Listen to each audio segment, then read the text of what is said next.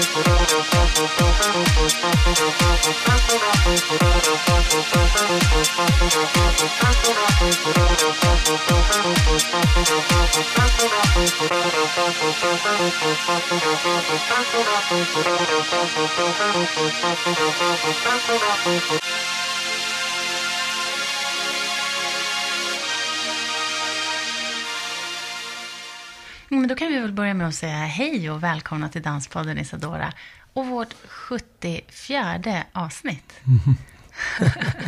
Fyra år senare liksom. Ja, det trodde vi inte när vi började. Nej, då trodde vi att eh, vi skulle fortsätta hur länge som helst. För nu tänker vi sluta med det här.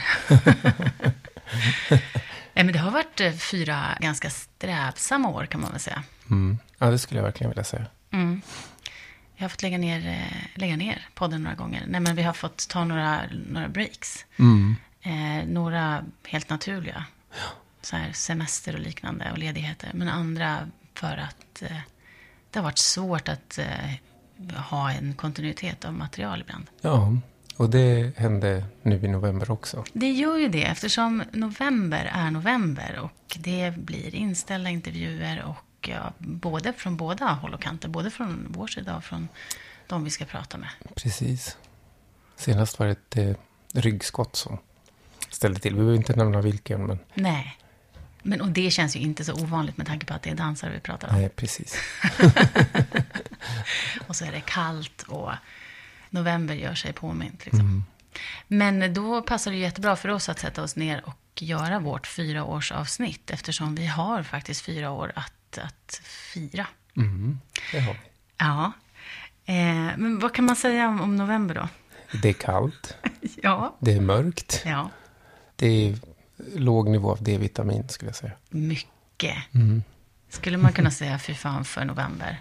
Ja, det skulle man kunna göra. Ja, det går att ha en podd om november också, om hur hemsk den månaden är. Ja. Å andra sidan så kan jag säga att idag när jag var ute så var det en strålande Mm. dag eh, i november. Så det är nästan så att man tror att sommaren gör sig lite påmind. Mm. Men eh, även om det är deprimerat och så på vissa håll och kanter så, så kommer det ju ändå lite, lite ljus ur det här, eller hur? Mm. Vi har nu så sammanställt eh, några saker som har hänt under de här fyra åren. Eh, både inom dansen och dansvärlden och den genren. Men också som har hänt, men som kanske har påverkat dansen på, på olika sätt. Eller hur vi ser på dans och så. Mm. Som har skett under de här fyra åren alltså. Som har skett under de här fyra åren. Alltså från då, vi startade ju i 2015. Jag vill inte gå in på månader. Och sen sitter vi nu då 2019 och, eh, och har valt ut några punkter som, vi, som vi tror Ja. är... Yes, eh, kör. Ja. Ja. Vi börjar med lite tunga då. Eh, Me Too.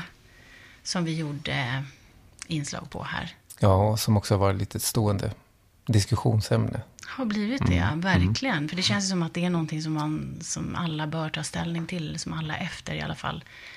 Det drabbade oss. Eh, har, har tagit ställning till. Och jag, det som slog mig var att när jag gick igenom lite grann och kollade. Vad har hänt sen metoo?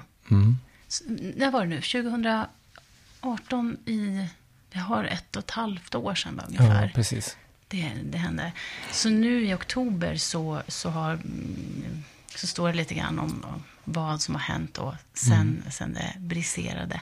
Och eh, det som är lite beklämmande, tycker jag, är att det inte verkar då ha hänt så himla mycket. Nej. Delvis på grund av att eh, Svenskan skriver, de skrev här i oktober om att eh, de här avsatta pengarna som regeringen la, la alltså ut i, på svenska myndigheter och så, ungefär 60 miljoner kronor som de skulle satsa på just vad gäller eh, sexuella trakasserier och sånt.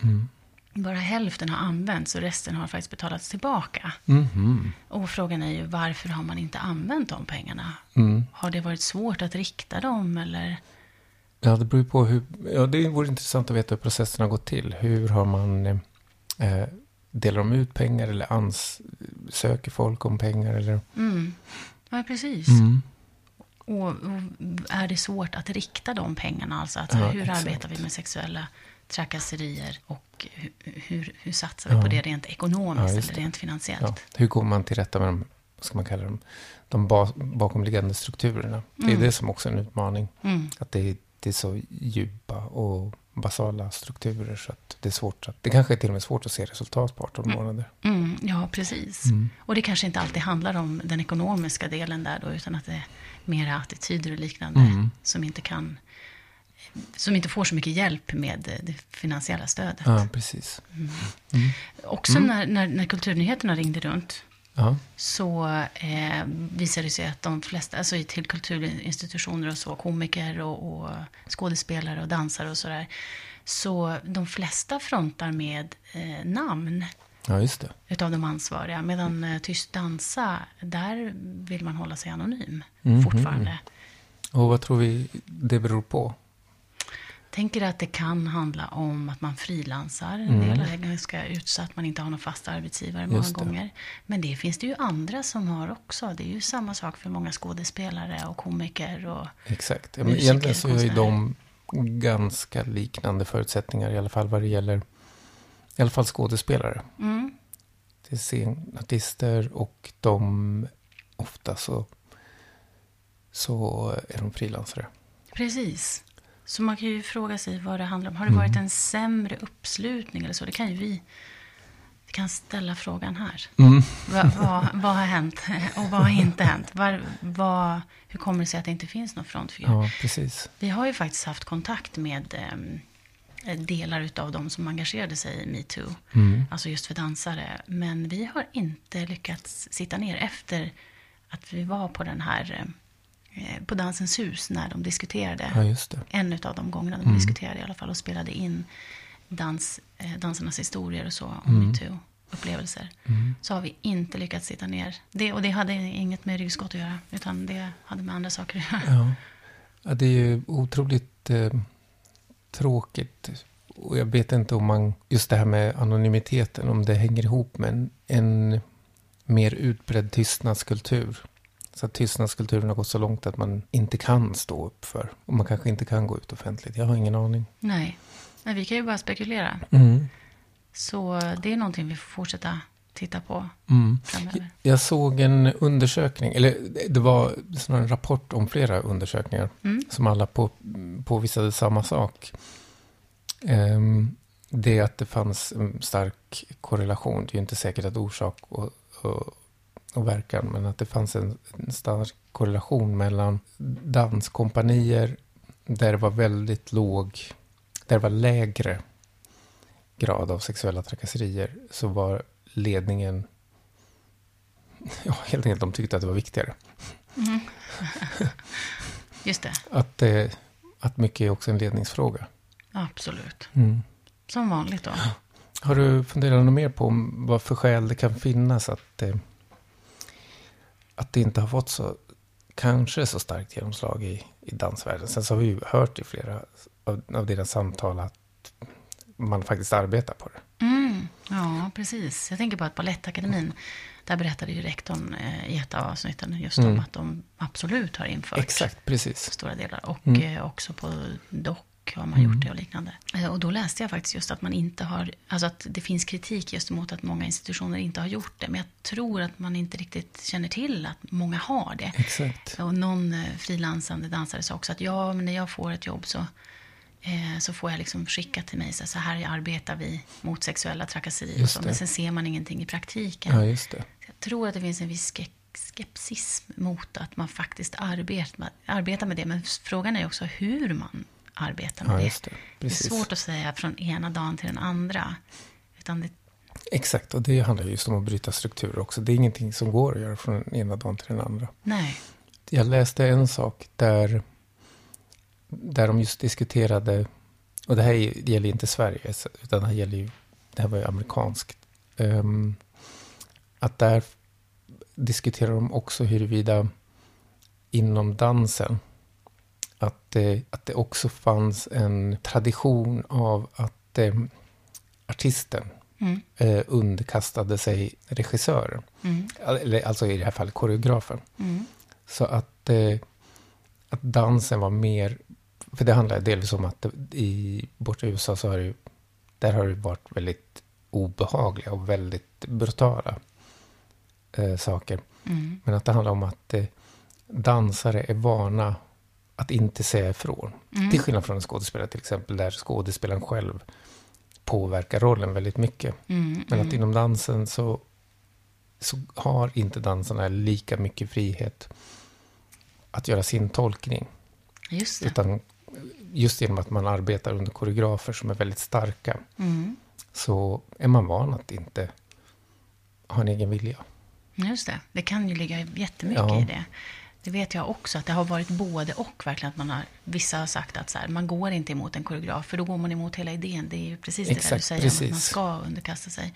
Och i andra fall så vill koreografen se improvisation och liknande. Vi har ju pratat med koreografer och sett koreografer ja. också som är väldigt, eh, arbetar väldigt eh, liksom i dialog med danserna. Så det är ju mm. otroliga generaliseringar. Jag vet inte ens om det gäller i Sverige. Nej, Nej, men det, mm. nej exakt. Eller, mm. Jag tror att det är både och faktiskt. Mm. Och sen låter det också som att så här, eh, det har vi inte sagt, men det låter nästan som att man säger att koreograferna är, är förövarna och eh, nej, dansarna nej, nej, nej, det var inte det som... nej, utan nej, poängen var snarare att, att man har ett mönster där man lär sig från tidiga år. Jag pratar om liksom när man är barn och lär, tar koreografi och sånt. Så, mm. så får man lära sig att inte formulera sina egna önskningar mycket mer. Det här var liksom inte på, bara på aktiv, utan det är, det är så det går till när man lär sig dans. Att man mm. lär sig en koreografi. Mm. Medan skådespelare, när de lär sig, så är det mycket mer så här, ja, vad tycker du? Mm, mm. Och det är tolkningar. Och... och det är tolkningar och sånt. Och det är inte riktigt så man lär sig dans. Och där finns det liksom en fara. Mm. Jag vet inte om det stämmer. Men... Jag tror att det kan vara, ligga mycket i det. Mm. Eh, men det är också väldigt bra om, om någon hör det här och uh, reagerar på det. Och kan mm. berätta. Eller säga att vi det är, ja, det är strunt. Det är intressant. Mm. Ska vi hoppa över till nästa ämne? Ja, någonting gladare skulle jag vilja ha. Någonting gladare. Okej, ska vi ta att breakdance eventuellt blir en OS-gren? Och att battla mm. blir det? jag funderar på, är det glatt eller inte? Uh, ja, det är frågan. Mm. Hur tolkar du det? Jo, delvis så tycker jag, blir jag glad. För då är dansens status kanske kommer att höjas. Mm. Alltså den kommer bli mer synlig. Mm, mm. Och det är ju toppen. Det vore ju jätte, jättebra. Men det kanske inte... Ja, det beror på. Jag nu börjar jag fundera på hur ska de liksom... Hur tävlar man? Ja, just det. För jag tänker som inom vissa gymnasier, helt enkelt så här. Finns det inte risken att det blir akrobatiktävling? Mm. Eh, det blir en form av gymnastik istället för mm. en dans. Så, så jag börjar fundera så här, men kommer de att bedöma artistisk finess också. Mm. Jag tror att det är just det, en av farhågorna. Mm.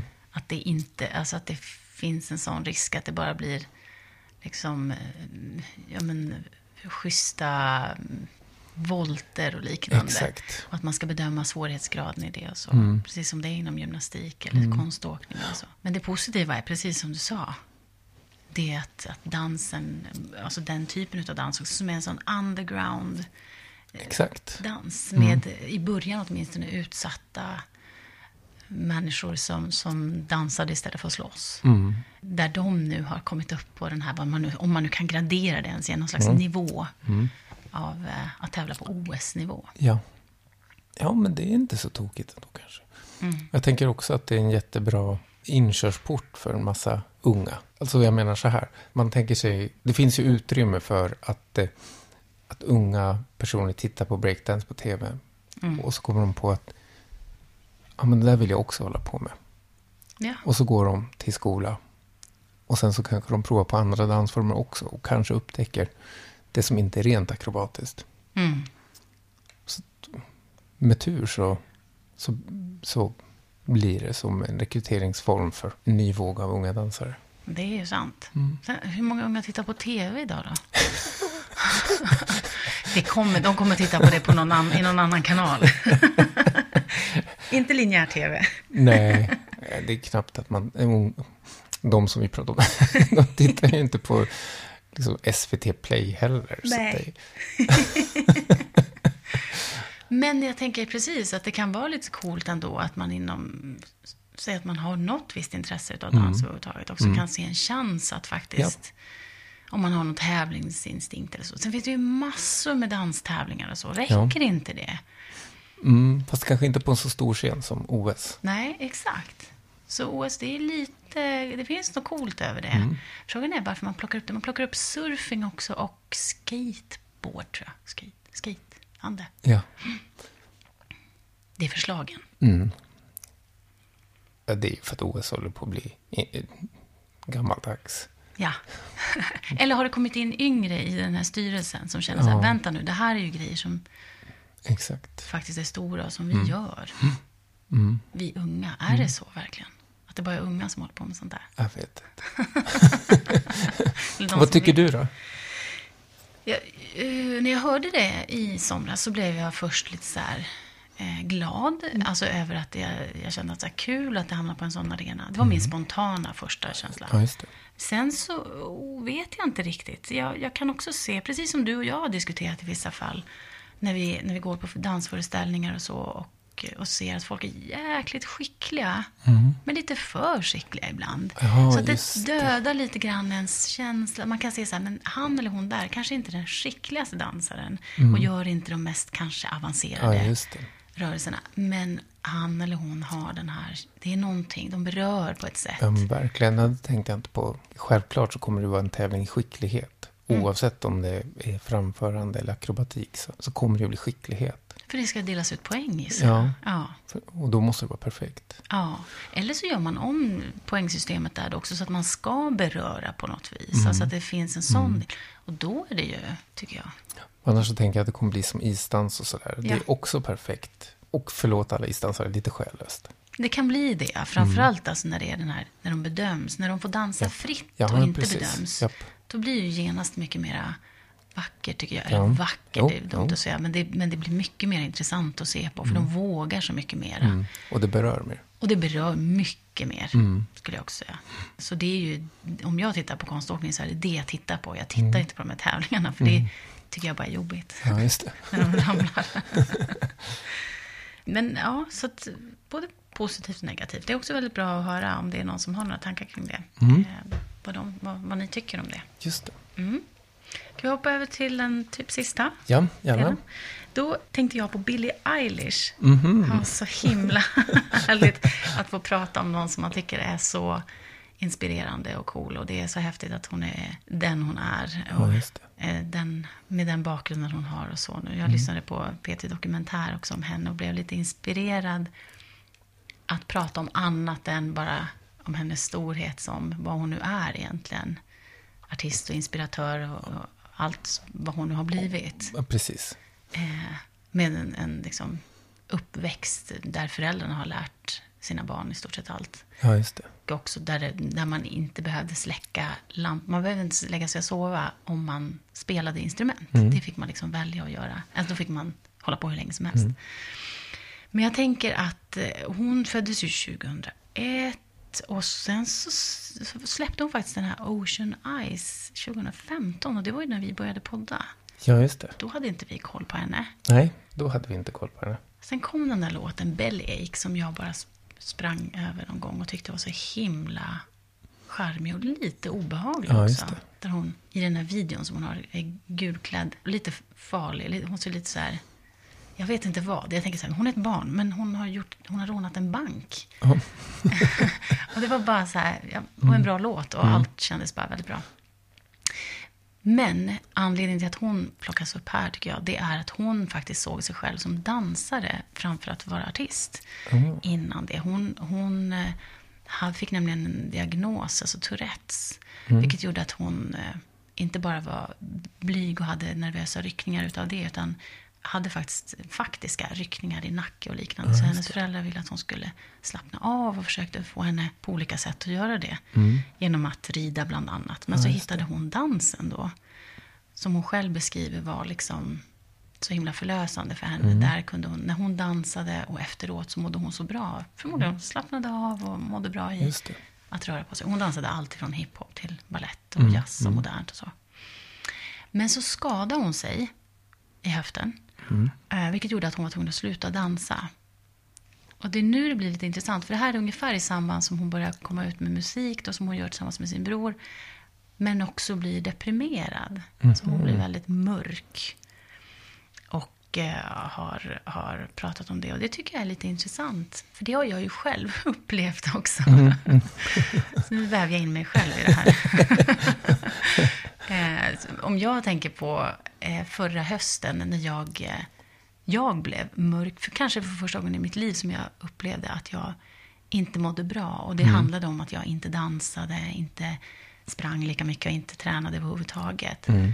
Och det var också på grund av en fysisk åkomma för mig eftersom jag har en sån här arytmi Mm. Exakt. i hjärtat som gör att jag kan få en jättehög puls. Mm. Och fick det flera gånger under hösten och sen blev rädd för att få den här pulsen. Just det, och därför så undvek du att eh, dansa. Ja, och det var ju faktiskt obehagligt hur, Mm. hur snabbt det kan gå också. Mm. Tills att man börjar må ganska så dåligt och sen tappar identitet och allt vad det nu kan vara. Mm. Vad blir härnäst för dig? Du kommer gå omkring i stora gula kläder. Ja. ja, men, ja, det känns ju verkligen som att hon, är, hon i sig är jätteviktig för sin Mm. tid. Det var någon som kallade henne en Greta Thunberg. För hon har liksom inte lärt sig att föra sig i de här sociala sammanhangen och så Nej. riktigt. Nu, de här senaste åren, så har hon ju det. Alltså blivit så utsatt för det. Men att det var ganska förlösande. Hon, när hon började ta dansklasser till exempel så eh, hade hon mest gått i pyjamas hemma och suttit i ett träd och spelat banjo typ. Eh, och eh, möttes av de här, framförallt tjejerna då på dansklasserna som var ganska, alltså på en annan plats kan Ja, man säga. Som var mycket mera medvetna. Mm. Och då började hon också känna att det var svårt med den här självkänslan, eller att tycka om sig själv. Ja, just det. Vilket är jättesorgligt. Jag tänker att det är bra att många ser upp till henne och har henne som en förebild. Ja. ja. Också för att hon är ju ganska dansig på scenen. Jätte. Mm. Och kanske lite friare dansig. Kanske inte så superkoreograferad. Man brukar inte se henne göra, du vet, det klassiska moderna artister. Man står med fyra dansare och sen så gör man en koreografi till musiken. Utan Mm. lite friare. Jag såg också något jättefint med henne. Det var, i sin musik så hon är ju ganska bildad Mm. musikaliskt. Så att hon plockar in en massa jazzelement. Jag såg, jag vet inte om du har sett det på Saturday Night Live när hon dansar. Nej, jag ska se det. Ja, för hon är också samma sak där, bildad och har referenser långt i historien. Mm. Så att Saturday Night Live, när de framför så gör hon Fred Astaire, det där gamla numret där han dansar på väggar och tak. Ja. ja, det har hon i en video också. Jaha, hon har en video Ja, också, för jag ja. såg det på, hon gjorde det live. Mm. Ja, vad roligt. Ja. Jag tycker bara var fint att också att, eh, vad är hon nu? Gammal är hon? Hon är 17, hon blir 18 i december. Mm. Hon sträcker sig så långt baka i, i historien och plockar upp, inte bara musikaliska element, utan också danselement. Så. Jag tycker det är så Mm. häftigt med eh, människor som är, vad ska man säga, de kan vara så, uppfattas som så hela så Mm, tidigt. ja. Det var en eh, journalist på P3 som sa att hon var en, en, den enda som träffade Billie Eilish när hon var här i Mm. Sverige första gången, när hon skulle liksom promotas för några år sedan. Och hon sa att, ja men alltså sitta med henne, vad var hon då? 15, 16 Mm. någonting. Hon var så hel som människa, hon var så säker och hade liksom svar på Mm. allting. Eh, Jag kände mig som en så här, lite som barnet i den situationen, Ja, fast det egentligen borde vara tvärtom. Och det, det tycker jag ger en hopp om att Mm. ålder är verkligen inte, återigen, Exakt. en mätare på var du befinner dig som människa. Mm. Eller som dansare, kan man nog säga. kan vi lägga till där, va? Mm. Tycker jag. Jag- skulle faktiskt, om inte du har något, Nej. så skulle jag vilja lägga till en bubblare Ja. som jag sprang på idag när jag gick igenom min eh, kompis Instaflöde. Mhm. Det var så kul, för att jag kan bara säga rent kort att vi, vi känner varandra för att en gemensam kompis eh, förde ihop oss för några år sedan för att eh, Paulina ville lära sig en koreografi och eh, den här kompisen tänkte att hon, jag kunde lära henne den och sen så skulle vi ses och göra det hela men det blev inte av, det var lite livet som kom emellan. Men så har vi varit på några konserter tillsammans, vi har faktiskt varit och sett Beck och Skepta och sådär. Och sen så sp- springer vi båda två så vi brukar springa tillsammans också. Men eh, hon har nu eh, engagerat en, en grupp med kompisar som får ta koreografi utav en, en koreograf, alltså Mm. en, en dansare och koreograf, Ja, för att lära sig en Robin-låt. Jaha. Det tycker jag är jätte, Ja, jätteroligt. ja, det är jättefint. Eh, men så hon har mycket så dansreferenser och tycker verkligen om dans och Mm, så. Så att jag var inte förvånad när jag såg det här i hennes flöde. Det var någon som tipsade henne om ett datingprogram som finns i UK nu, som heter Flirting Dance, tror jag. Jag har verkligen bara kollat på det här klippet, så vi får lägga upp det så kan folk kika på det själv. Ja. Men då handlar det faktiskt om att eh, man ses, som jag förstår det, och så dansar man tillsammans med den här personen eh, som man eh, ska dejta. Eller om man har dejtat innan. Eller, Jag tänkte först att man skulle, jag trodde att det var så att man skulle förbereda varsin dans och så skulle man dansa för varandra. Ja, det. Men det verkar som att man har gjort den här koreografin tillsammans. Och så gör man den dansen ihop. Och sen efteråt vet jag inte riktigt vad som händer för de klipper där. Ja. Men de verkade väldigt påverkade utav det och ganska lyckliga. Och det var Ja, två just det. killar som dansade i det här fallet. Mm. Och då tänkte jag på det du och jag har pratat om. Mm. Det här med ser man på en person hur han eller hon rör på sig och hur han eller hon dansar. Om de är liksom en bra älskare. eller också en, en människa som man faktiskt tycker om mer än bara att se röra på sig. Det är ju hemskt att säga, men jag tror, tror ju ja. Jag tror att... eh, Och där finns det också kopplingar till det här med metoo. Mm. Alltså det finns ju en sensualitet i dans. Mm. Inte i all dans, men i mycket dans så finns det en viss sensualitet. Och det finns ju också, och det, tänker jag, det, och det vet jag att har diskuterats om det kan vara ett problem. Att, att man är så nära varandra, det är så mycket kroppskontakt. Och, och det finns ofta en underliggande sensualitet i dans som kan få folk att missförstå varandra och kanske gå över gränsen vad det gäller intimitet och sånt där. Dans är sensuellt. En människa som rör sig bra när de dansar är ju också väldigt bekväm med sin kropp. Då, då, då blir man ju attraktiv. Och kanske också att man känner sig attraktiv. Mm. Och då kanske man är helt enkelt en bättre älskare. Ja, Kanske. kanske. Det känns väldigt, det, det sitter långt in att säga det, för det låter ju så hemskt. Va, varför låter det hemskt? Delvis är det någon slags bedömande av andra människor. Mm. Som vi gör hela En tiden. analys ändå. av andra människor som man inte borde göra. Ja, Och delvis så känns det taskigt mot de som inte känner sig bekväma när de dansar. dansar. Ja. Mm. Som kan vara hur bra som helst på en massa olika sätt. Exakt, precis.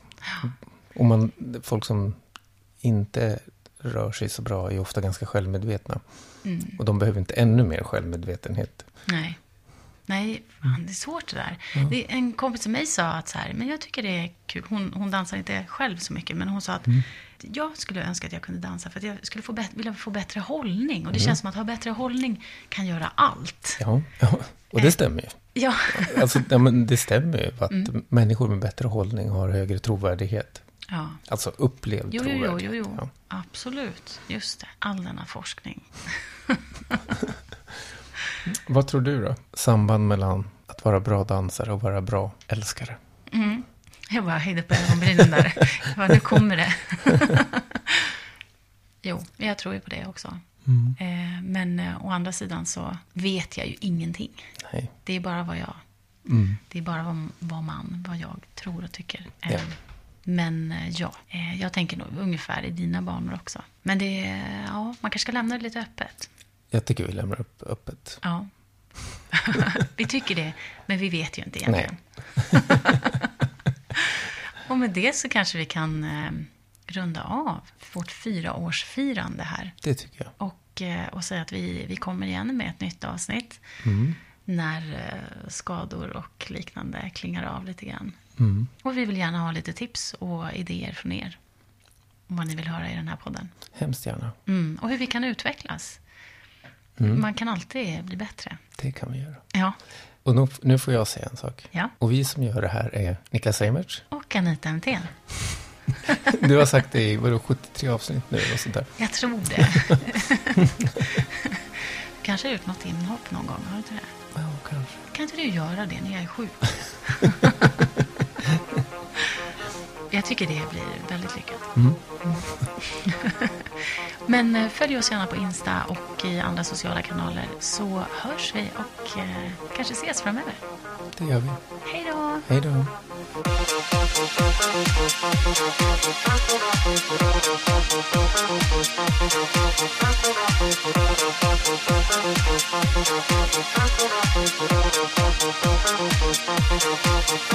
Thank you.